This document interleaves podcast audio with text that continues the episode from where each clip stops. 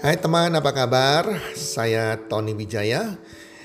Saya mengucapkan selamat datang dan selamat uh, mendengarkan podcast kami. Melalui podcast ini, kami memiliki misi bagi pendengarnya agar setiap pendengarnya bisa memiliki kehidupan yang sehat, sejahtera, dan berbahagia. Kami ingin menjadi sebuah cahaya lilin di tengah kegelapan yang bisa memberikan harapan, manfaat, dan solusi bagi setiap pendengarnya. Selamat mendengarkan podcast kami dan semoga Anda menjadi pendengar untuk podcast-podcast kami berikutnya. Salam 1 2 3 salam sehat, sejahtera dan bahagia.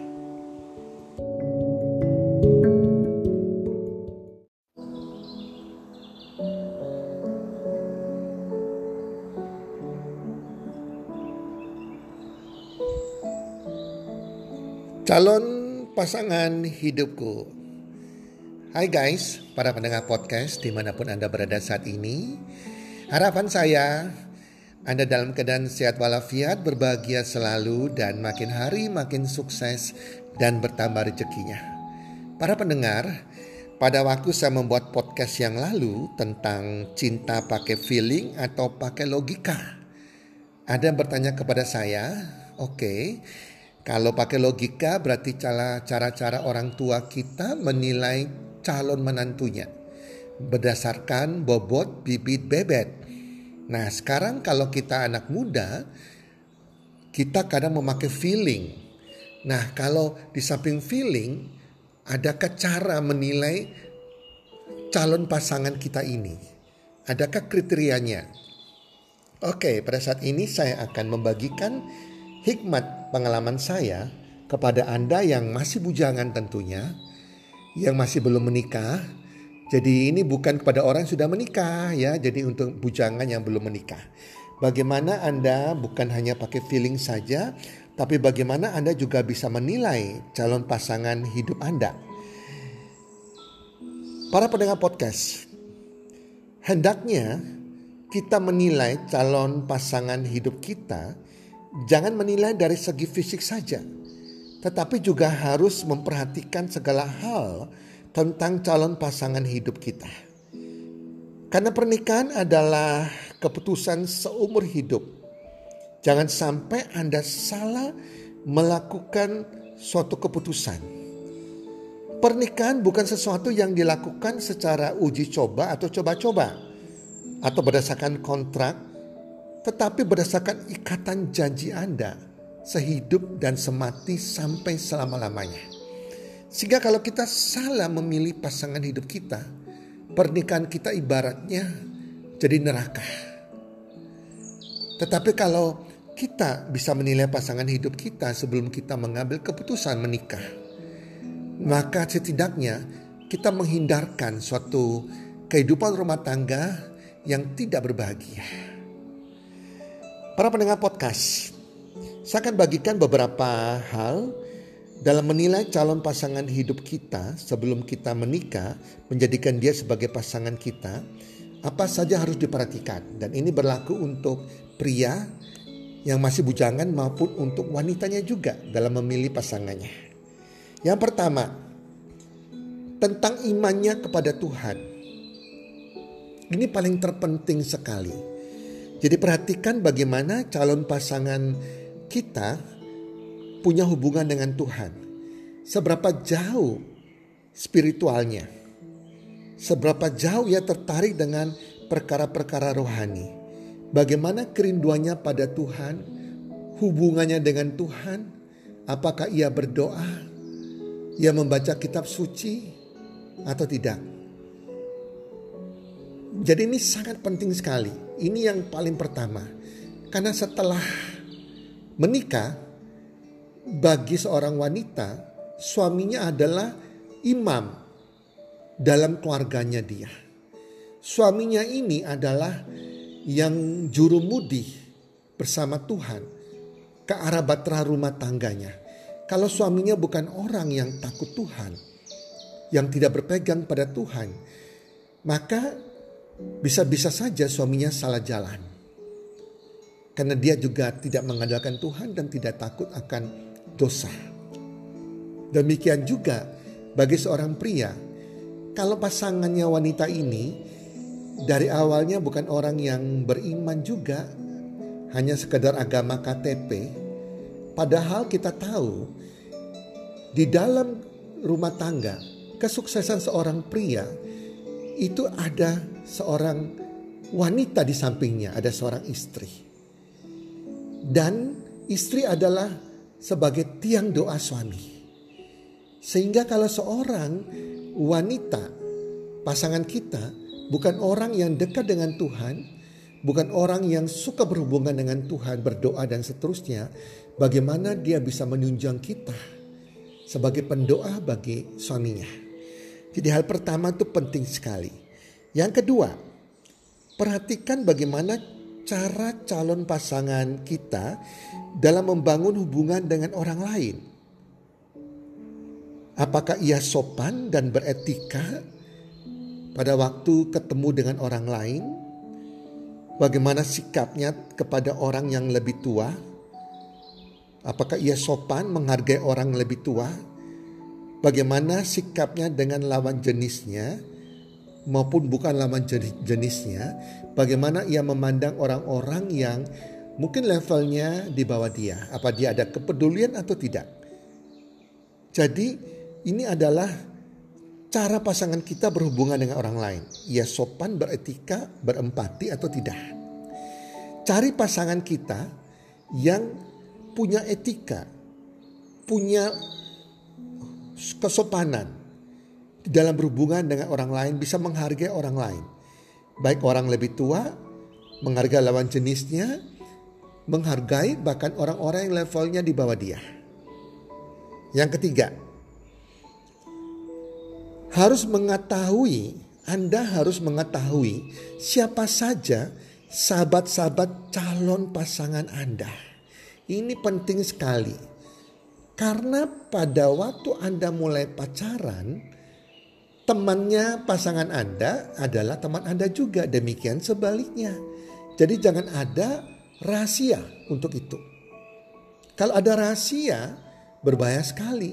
Nanti setelah menikah juga harusnya teman suami Anda, teman istri Anda, Anda harus kenal juga teman Anda juga, teman-teman ya. Jadi Anda dari mulai eh, pendekatan segala macam mencari pasangan hidup harus kenal. Siapa sih sahabat-sahabat calon pasangan saya ini?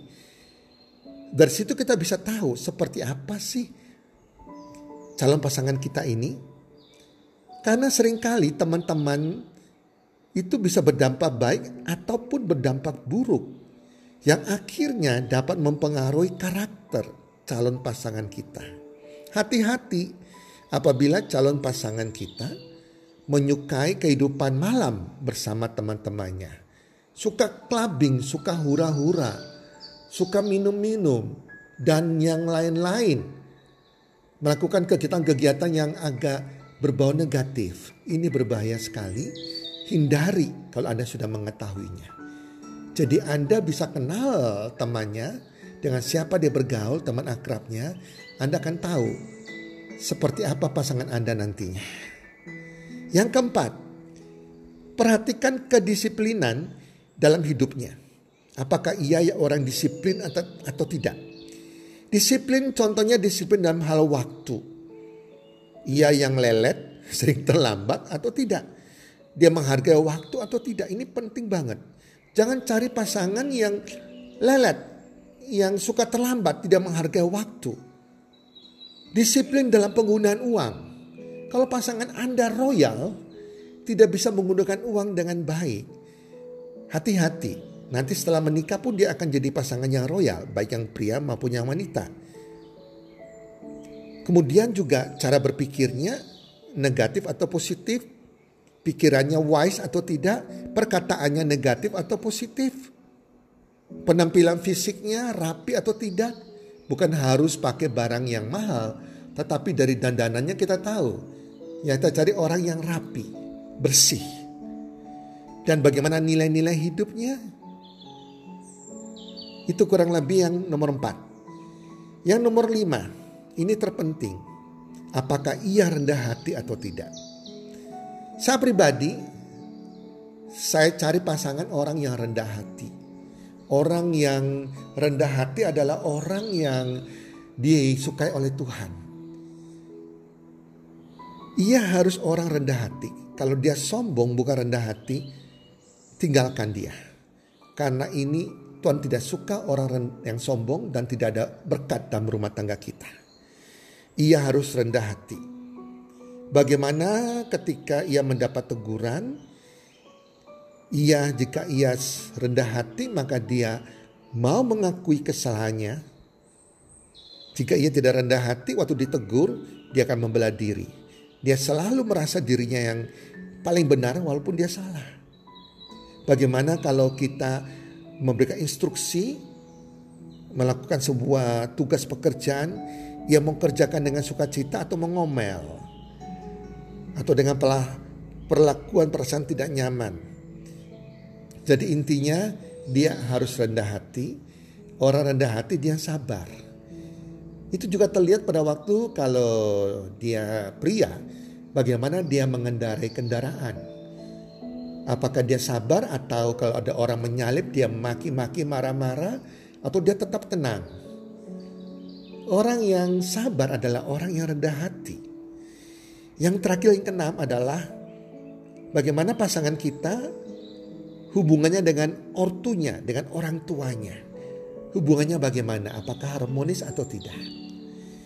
Kalau ia bisa menghargai orang tuanya, respect dengan orang tuanya, pasti dia akan menghargai pasangannya. Dia akan menghargai juga orang tua kita. Nah, tetapi kalau uh, dia tidak bisa menghargai orang tuanya, cekcok dengan orang tuanya, mau menang dengan orang tuanya, pasti dia tidak akan bisa menghargai orang tua kita juga. Dan bagi yang wanita, cek pasangan pria Anda, apakah dia menyayangi ibunya tidak? Dia mencintai ibunya tidak? Ia dekat dengan ibunya tidak? Ia sayang dengan ibunya tidak? Kalau seorang pria sayang dengan ibunya, menyayangi ibunya, respect sama ibunya, maka dia pasti akan menyayangi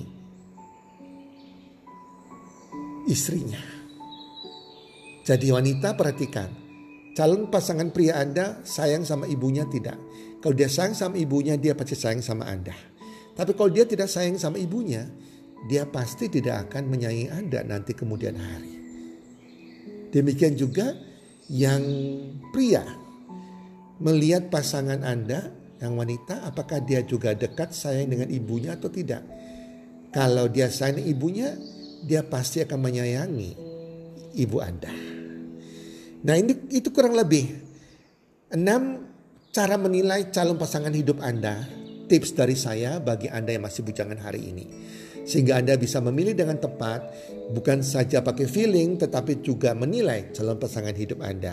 Sehingga nanti Anda memasuki pernikahan semuanya berjalan dengan berbahagia sampai seumur hidup Anda.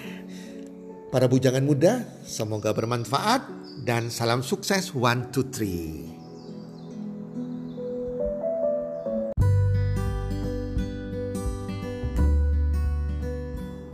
Terima kasih sudah mendengarkan podcast kami.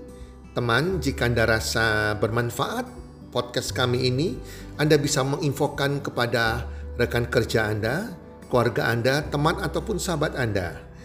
Dan jika ada hal-hal yang Anda ingin tanyakan kepada kami ataupun topik-topik apa yang Anda ingin kami bawakan, kami sampaikan, Anda bisa DM kami di Instagram kami healthcommunity.id.